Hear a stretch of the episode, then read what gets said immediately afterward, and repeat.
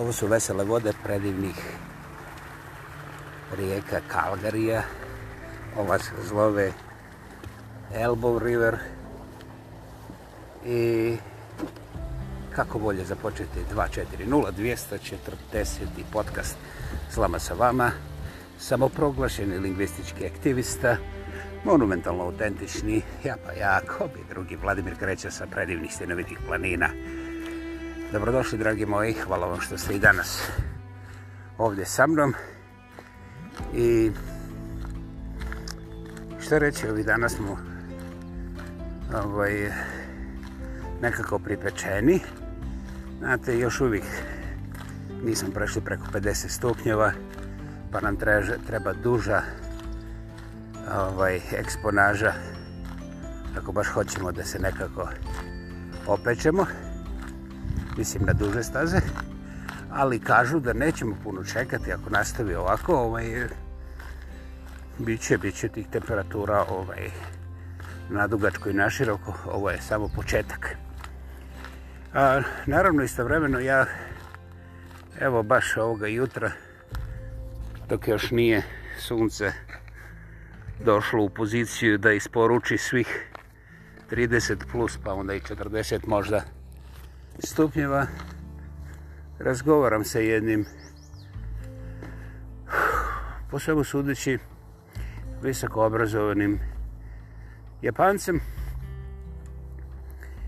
i bla bla lijevo, bla bla desno uglavnom kaže on mora da izađe još jutro su 5 sati ne može da spava ove vrućine su nepodnošljive i ovaj, ja kažem pa vidiš onako slučajno jer na Japancima nikad ne znam s koje strane dolaze, mislim da li su lijevi, desni, srednji, a nekako nije mi ni presudno. I ovaj, ja slučajno kažem, pa vidiš, neki kažu da ovo nema veze s tamo nekakvim globalnim zatopljavanjem. On kaže, da, da, da, da, da. To je tako, kaže, kako globalno zatopljavanje? Ovo je samo prolazni val. Val ili ti talas. Gledam čovjeka, mislim, ozbilja roba nekih 50 godina, tu negdje, plus minus 5 godina garant.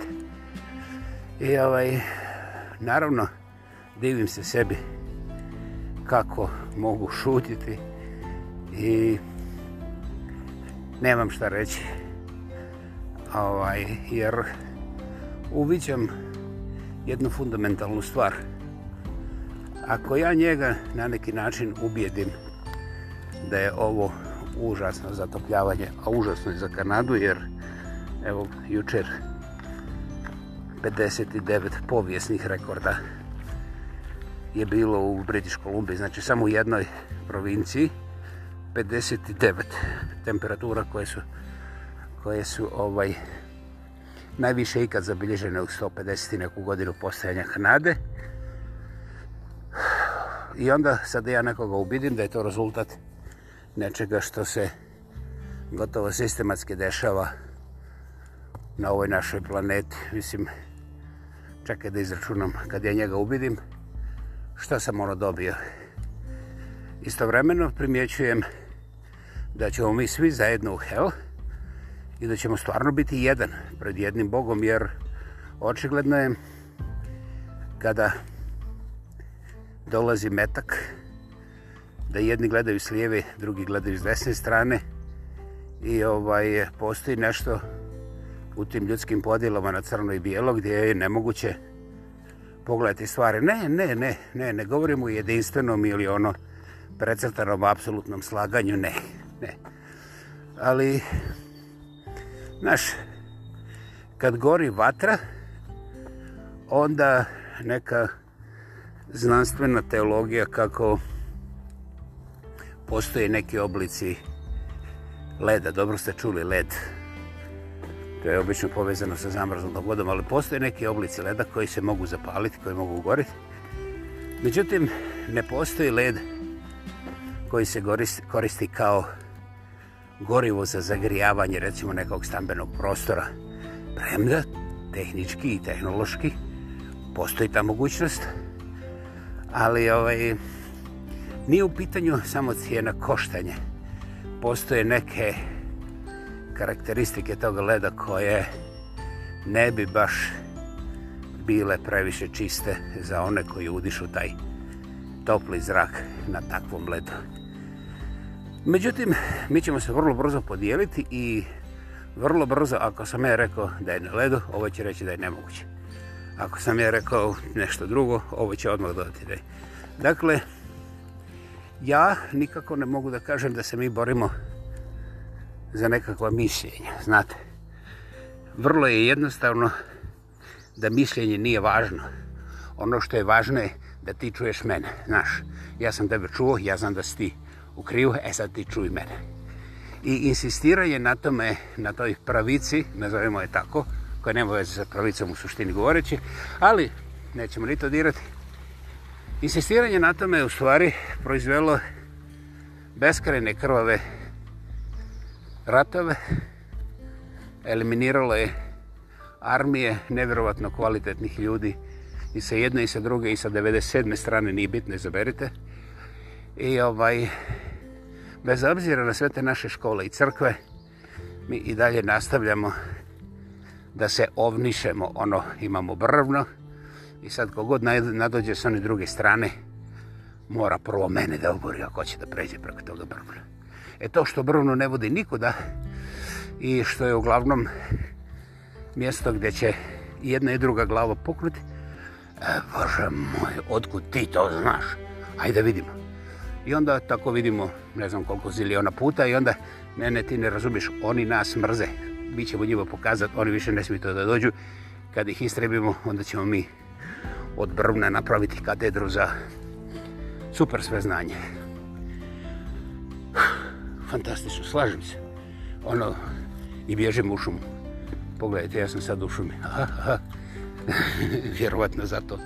Ovaj, ne vrištim, ne vičem, ne rlaučem, ne bijasnim, ne pritim. I znaš kako? Kako?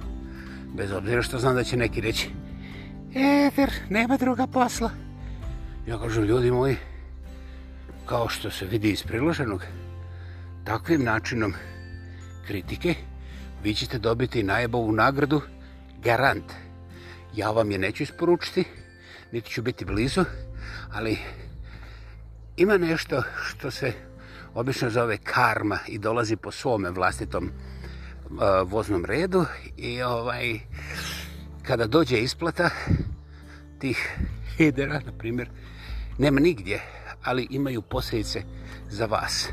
Jer eh, sve ono o čemu krivo razmišljate, vodit će vas u te nekakve iluzije u kojima ćete vi, dok vam ne pukne glava, džep, kičma ili sve to skupa sko, zajedno, ovaj, vi ćete uvijek vjerovati da je tako. A onda će doći taj Evo ga, vreo tuš, ne mora biti hladan. I tada je najbolje da postanete još glupi, jer ako se prisjetite kako ste to proizvodili, onda su te agonije nekako duže, ružnije i ovaj temeljitije, što nije baš lijepa stvar, a pogotovo nije lako ni zaviditi, a kamoli zatrpiti. Dakle, izvolite. Dakle, izvolite. Jedan od primjera je zabrinutost naših tih velikih muškarčina za nacionalni natalitet. Ja namjerno ne kažem koje nacije. Uglavnom, među kršćanima posebno regionalnog opredeljenja, odnosno stanja, odnosno podrijetla, jeli? bez obzira gdje se nalazili po svijetu, glavni krivci za natalitet su pederi i lezbače, odnosno su i ovi LGTB, onda ti rodnici, nerodnici, šta je znam, bla, bla, bla, bla, bla, bla, te nakaze čovječe, kažem. Ovaj, ja sam pokušao prije u masu mojih radova, pisanih, govornih, pjevanih, da ukažem na nekakve racionalne brojke koje doista postoje, koje su tako od istinskih profesionalaca učinjeni proučene i potvrđene na više načina. I naravno, ovaj, nisam očekivao da će neko povjerovati na prvu, jer, slušaj, zatucanost ne želi diskusiju. Osim ako ti ne priznaješ 100% da je zatucanost u pravu. Sve druge opcije su zatvorene, ne možeš ti meni, e, čuješ, ha, ha, u. Dakle, za nacionalni natalitet, istovremeno, kad ja postavim tim ljudima, ti broniš peder, jesi ti peder, slušaj, jesam, znao sam ako otvorim gubicu da sam odmah peder. I da jednostavno ne mogu da se operem ni sa Dunavom, ni sa Pacifikom i da takva šansa ne postoji.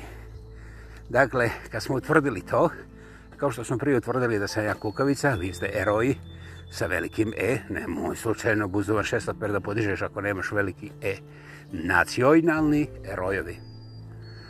Dakle, ne diram vam titule, garant. I sada, kada ste dokazali da sam ja peder, kako onda preskočiti brojke koje govore da svi ti trospolni, petospolni, sedmospolni pederi i lezbače, kako vi volite to reći, znači svi ti koji nisu muški i ženski, razumiš, kako ovaj objasniti da oni utiču na nacionalni natalitet koji dramatično opada a pritome ti glupi i niš koristi pederi, lezboče i slična bagra po svim statistikama ne čini ni 5% stanovništva objasnite mi šta vi očekujete da svaki peder ima 20 puta više djece od vas pa onda se nekako može iskupiti za pederstvo. Pa znate šta?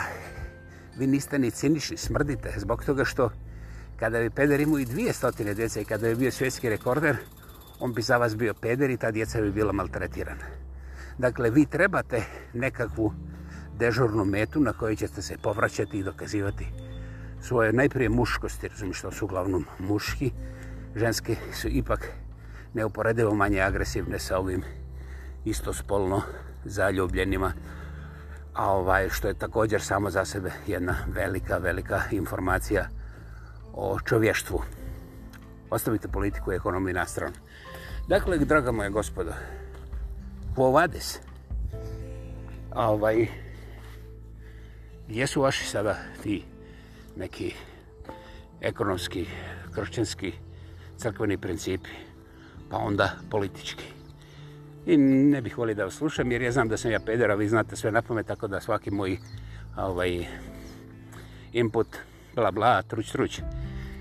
Međutim, istovremeno moram da vas pitam, kako vi mislite da se mlad svijet koji nije zaljubljen u istospolne, znači koji, koji je tako zvani normalan po ovoma, pored takvih roditelja koji su na, uglavnom nalokani i bjedni, i koji samo sekću mržnju kontra njih, onih tamo, znaš, i pedera i lezboća, a pritome ne vide da njihova djeca nemaju svoj nezavisni stan, jer djeca ipak ne mogu uživati ako sa svojim partnerom rade, recimo to hopa, cupa, po krevetu, nešto što ja znam, ja sam zaboravio, ja sam starčevac, a u sobi ispod ili sljedeći zid su mama i tata.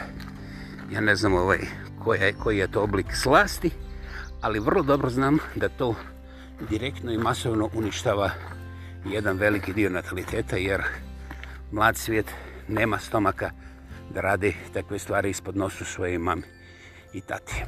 Odnosno, svekru i svekru, odnosno, razumiš, dakle, nemaju stambenih okolnosti i tu se ne radi o 100%, ali radi se barem opet do 10 puta većoj populaciji nego što su ovi pederi lezbače malo čas spomenuti. Razumite? Dakle, to može da bude ekonomska situacija, međutim, tu ima i masu drugih elemenata u koje ja neću da ulazim, ali čak i kada su to dvoje mladih zaposleni, pa onda uskoro mogu da kupe svoj stan, to uskoro u tom nekakvom masivnom kontekstu, znači ne kod onih 2-3% najbogatijih, ne kod 2-3% onih najsiromašnijih. Beautiful face. Hello, happy face. Hi. See these squirrels? oh, yeah. dakle, um, kada odbacimo te marginalne strukture i gore i dole, ostajemo sa velikom, velikom grupom tog mladog potencijala koji je zbunjen i izgubljen, a ako čak i rade, onda im treba minimalno do deseta godine da bi mogli na neki način dobiti kredit i ući u svoj stan ili kupiti nešto sebe. Um, dakle, oni nemaju vremena. Isto vremena ima jedna druga sitnica, Hello, good morning. Hello, beauty. It's okay. It's okay. You're beautiful. Yes, you're gorgeous. Don't worry. How old? Just over three months. Wow. Welcome. Welcome. Yeah. Hope yeah. to see you. Thank Have you a great well. day. Thank you. Dakle, draga moja gospoda, to je jedna stvarčica koja je vrlo kompleksna gdje ja nisam ni jednog od ovih zaštitara nacionalnog nataliteta vidio da trči, recimo, da napravi neku kuću pa da kaže evo, ja ne mogu da dam kuću jer mislim, malo je preskupo, ali u interesu nacionalnog nataliteta ja mogu da vam dam kuću ovaj po cijeni materijala i rada i mogu da vam dam kuću privatni personalni kredit, jer vam vjerujem, na 10 godina ili možda čak 20. I ovaj, ako u tih prvih 10 godina nemate jedno dijete ili dva, onda se ukida kredit, ja vam pokazujem put vani i nemate vlasnički list. Ili, ako imate treće dijete nakon 4 godine, kredit prestaje da bude kredit, kuća je 100% vaša, ja vam čestitam, blagosivljam, i ja idem kod države da tražim tax relief zato što sam vam poklonio cijelu kuću. Takve stvari su, naravno, sve to grđe za jedan regionalni mozak. Šta je da pravim tamo susjedove djeci kuću i tako dalje i tako dalje. To, to su, to, to su monstruozne stvari i tako dalje i tako dalje. O tome nećemo. Međutim, natalitet između ostaloga pati i zbog toga, dalje se vrtimo negde oko ekonomije kada ta ista djeca, ti mladi ljudi vide i iskuse šta je okolo njih i onda intenzivnije nego u crnom komunizmu na prvoj krivini potroše sav novac za kartu što dalje od lijepog i dragog regiona sa tim perfektnim očevima koji sve znaju. Dakle, iseljavanje je onako konkretno i substancijalno i ne vidi se ni jedan razlog zbog čega bi ti mladi ljudi koji strugnu vani eventualno potrčali nazad. Sve to utiče direktno na natalitet. Ono što je posebno zanimljivo u cijeloj toj priči je da ljudi onda kada odu vani, evo recimo jedno istraživanje u Kanadi koje je potrajala skoro 50 godina i oni su posebno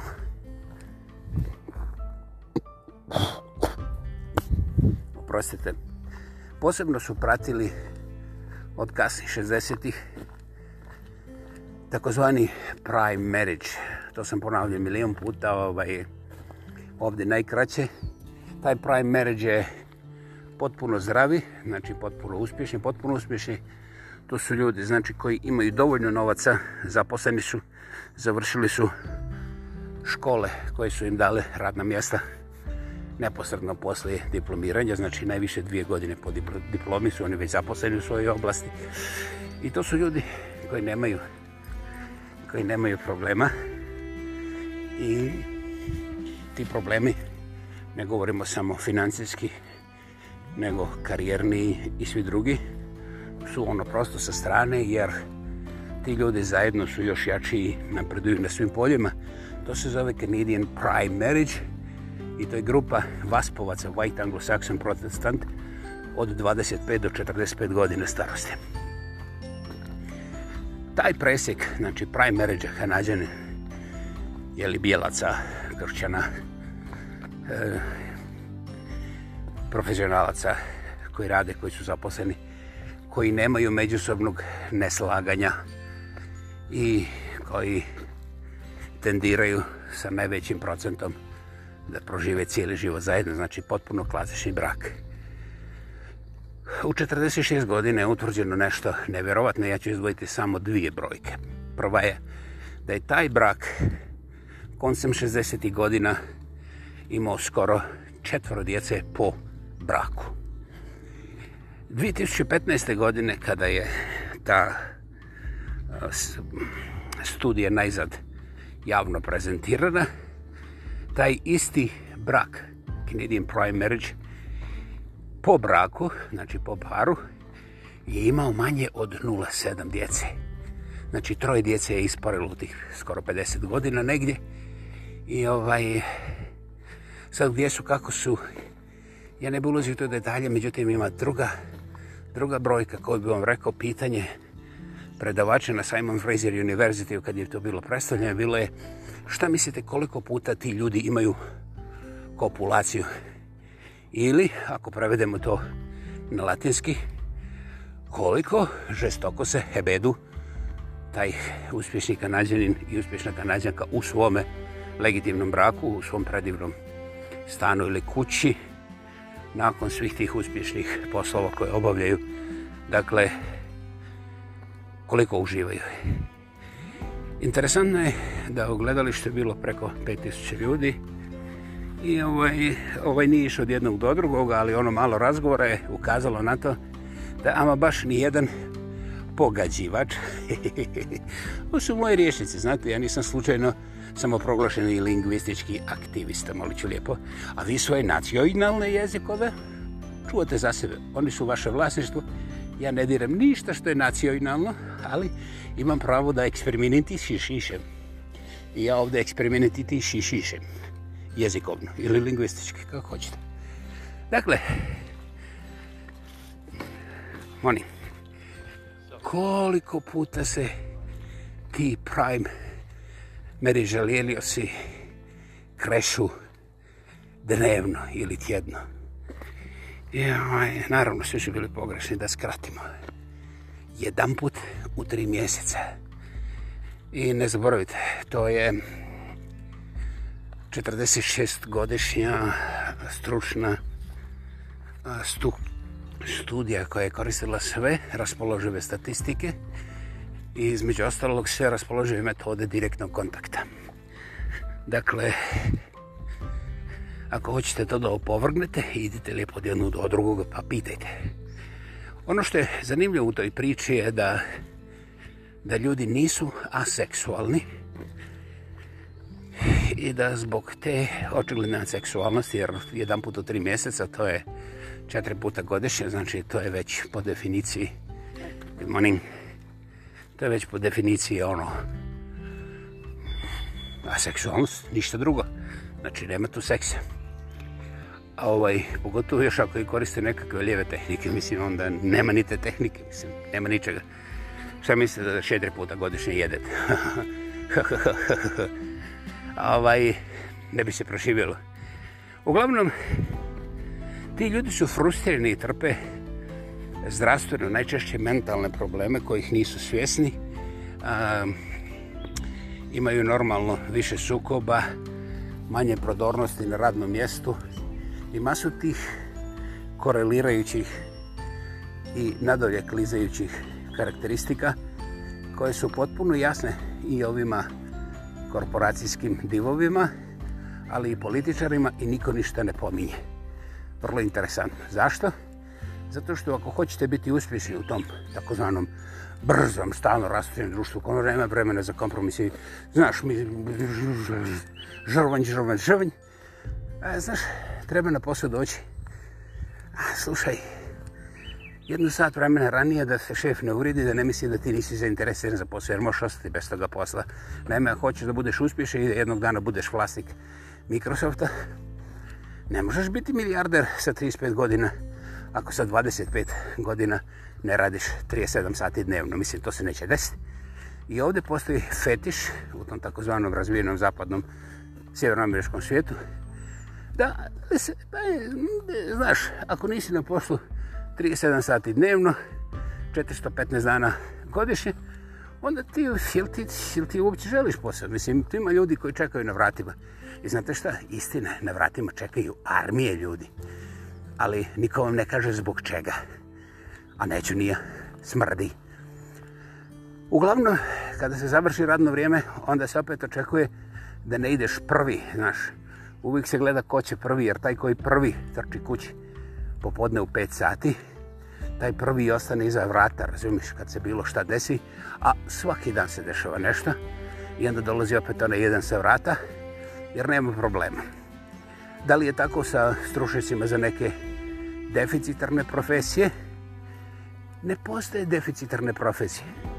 Oni će na mjesto kirurga staviti mesara mrtvo hladno, nataknuti mu sve moguće naljepnice i kada ovaj skasapi čovjeka, samo ako on prihvati da govori onako kako su mi rekli, oni će ga zaštititi, to će biti nesrećena posla i normalno onda dolazi u igru biznis, a to je osiguravajuće društvo će platiti masu para lijevima, desnima, srednjima, gornjima, donjima.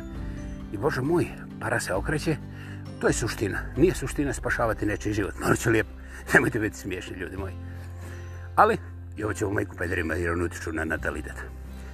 Ovaj, I eto, sada vidite zašto ovi hrkljuši koju u majku pederima, razumiješ, što su tako glasni, jer znaju da se niko neće osuditi da im kaže da ne možete ljudima tek tako spominjati mater, jer ta mater ni teoretski ne može biti kriva ni za jedan dio seksualnog zdravlja svoga potomka, da li muškog, da li ženskog. Dakle, ni ljudski, ni kršćanski, ili po bilo kojoj vjeri, nije da se spominje majka, ali ako je Pedro, onda može sve.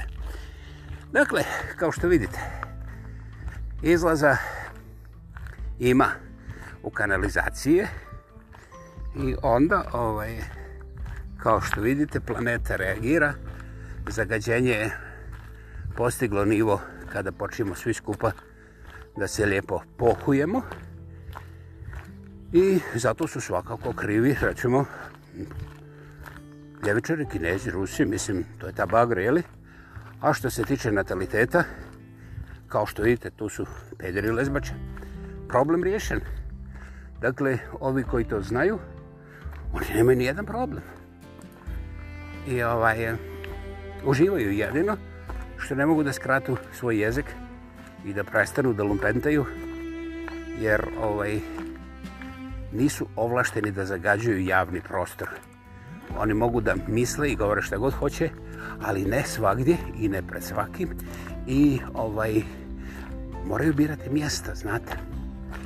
Tu im se treba stati na rep i onda odrediti granice gdje oni mogu da ispoljavaju svoje ispoljavanje, bez obzira kako bilo. Znači, nema zabrane, gospodo. Možete spominjati Nanu i u Japanu. Zašto ne? Međutim, ako vas čuje neka dijete ili ako vas čuje neka baka koja upravo uzima žestok lijek, onda sa vama treba lijepo na sud i ne, ne u zatvor, ne, ne, ne, ne. Zatvor i izlažavanje, nego lijepo Englezi, Englezi sjeverno, ovaj, Amerikanci, sjeverno, sjeverno Amerikanci jedni i drugi, i Kanadjanovi i ovi usadeovci. Ima nešto što se meni sviđa. Oni nikad ne viču, pogotovo na ove prekrštelje, ove ljigavce, i oni su čak s njima i ljubazni, pokupe ih lijepo, stave presudca, udare pečete, ove ovaj plače, ne može, znaš, kresnu im ovaj, ono, budalaste financijske kazne, ono, ovaj kaže da nema, ovo, nema problema, oni provjeri šta čovjek ima, ovaj, i onda utvrde da ima staro auto, i uzmu to staro auto, odnosno, ne znamo ništa, nego stave takozvani lin, lin, koji se onda publicira po cijeloj državi. Iako ta, taj čovac koji nije platio svoju kaznu, recimo sad je bilo sa ovim za COVID, kazne su bile veliki broj kazne za u BC-u oko 2000 dolara, a ovaj, i neće niko da plaće. I onda gospodin premijer izađe na televiziji i kaže, znate šta, ukoliko želite da napustite zemlju, ako vas na carinik uhvate ovaj, i provjeri vide da niste platili kaznu, onda ta kazna će biti prvi put 5 do 7 tisuća dolara, znate. Ovaj, možda je bilo dobro da platite prije, jer dok god platite prije nego što vas uhvate, to je još uvijek 2000 dolara. A ako vas uhvate, onda je to znatno više, pa kasnije u drugostupanjskom pokušaju, ako i to odbijete, onda će biti još više, pa još više, pa još više. Jedno kaže se čovjek odakle može platiti. Znate, ne znam. Ali je činjenica da ljudi plaćaju, jer opterećenje raste do besmisla i kako to financijsko opterećenje raste do besmisla, tako se cijeli život toga dužnika sužava. Naime, ako hoćeš da kupiš kuću, iz 300 je dao u kešu sve novce, ti ne možeš te novce da isplatiš jer tamo u banci piše da nisi platio kaznu i dok ne platiš kaznu nijedan novac ne može ići za tu svoju tvoju kuću. Ako hoćeš da registriraš auto, ne možeš ga registrirati jer nisi platio kaznu ili imaš dug. Mislim da stječete ideju, to je takozvani lean, jeste, on je potpuno ovaj funkcionalan i prihvaćen i u Kanadi i sa nekim manjim varijantama u USA.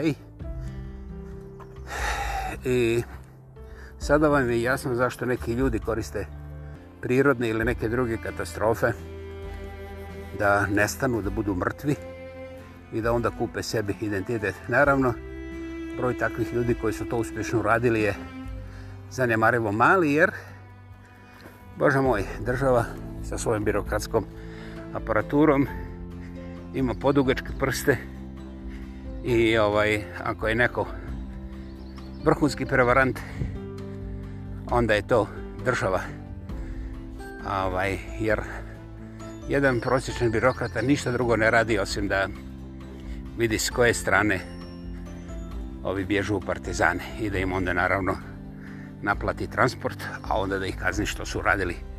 Šta su radili. Gospodo moje, ja sam siguran da ovdje sve ovo bilo jasno i prije, ali ja te ja sam ponovio. Podsjetimo se. Pogledajmo, progledajmo. Jer svijet oko nas ipak nudi puno više nego što mi bivamo spremni. Ne samo opanjkati, iskritizirati i ispljuvati, nego hajmo reći nešto pozitivno, recimo iskoristiti. Jer zamislite, ako ne bi ganjali te jedne pedre, koliko bi onda vremena ostalo nama i koliko onda naše djeca ne bi jadne trpila frasove zašto je tata toliko zapjenio kad je vidio Peru Pecića koji se smije sa Markom tamo negdje na nekom javnom mjestu. Dakle, zaštitit ćete mentalno zdravlje svoje djece, ali istovremeno zaštitit, zaštitit ćete i svoju obitelj, jer, znate, da, zaštitit ćete, zaštitit ćete, zaštiti ćete i svoju obitelj. Meni je muka, već ne mogu da govorim, jer ovo ne želim da crtam zato što je brutalno očigledno zašto. I ako vi nastavite da pijete, ja već sada čujem, što ti hoću da štitimo pedere? Ne, zaštitite sebe. Počnite od sebe. I ako počnete da štitite sebe, onda ćete primijetiti da vas ne ugrožavaju pederi, posebno ne lezbače, i da jednostavno oni u vašem životu ne igraju nikakvu ulogu, ali vi hoćete da zamaglite sve ona mjesta gdje vas guzu oni za koje ste vi glasali. Jeste. Nas ne pedere guzu vaši izabrani heroji, heroji, ministri i onda njihova nomenklantura iz birokratskih voda i ne možete im ništa. Zato morate da njačete i da tražite učinjenje alternativnu žrtvu na kojoj ćete živjeti svoje bijesove, nemoć i očaj. Aha. I to je prvi korak za vaše vlastito mentalno zdravlje. Međutim, to se neće desiti sa dekretom, to se neće desiti sa preporukom crkve, to se neće desiti sa preporukom političara. To je nešto što morate disati i prepoznati sami za sebe. Znači, idemo nazad, pogledajte u svoje ogledalo, ne u moje. I ako prestanete gledati u tuđe guze, onda je moguće da i vaša bude puno stabilnija i sretnija. Kao i uvijek prije, ja pa ja, Vladimir Kreća, sa predivnih stanovitih planina. Hvala vam što ste bili ovdje u 240. podcastu s vama sa vama. I čujemo se prije što se vidimo. Želim vam predivan dan. Ćao.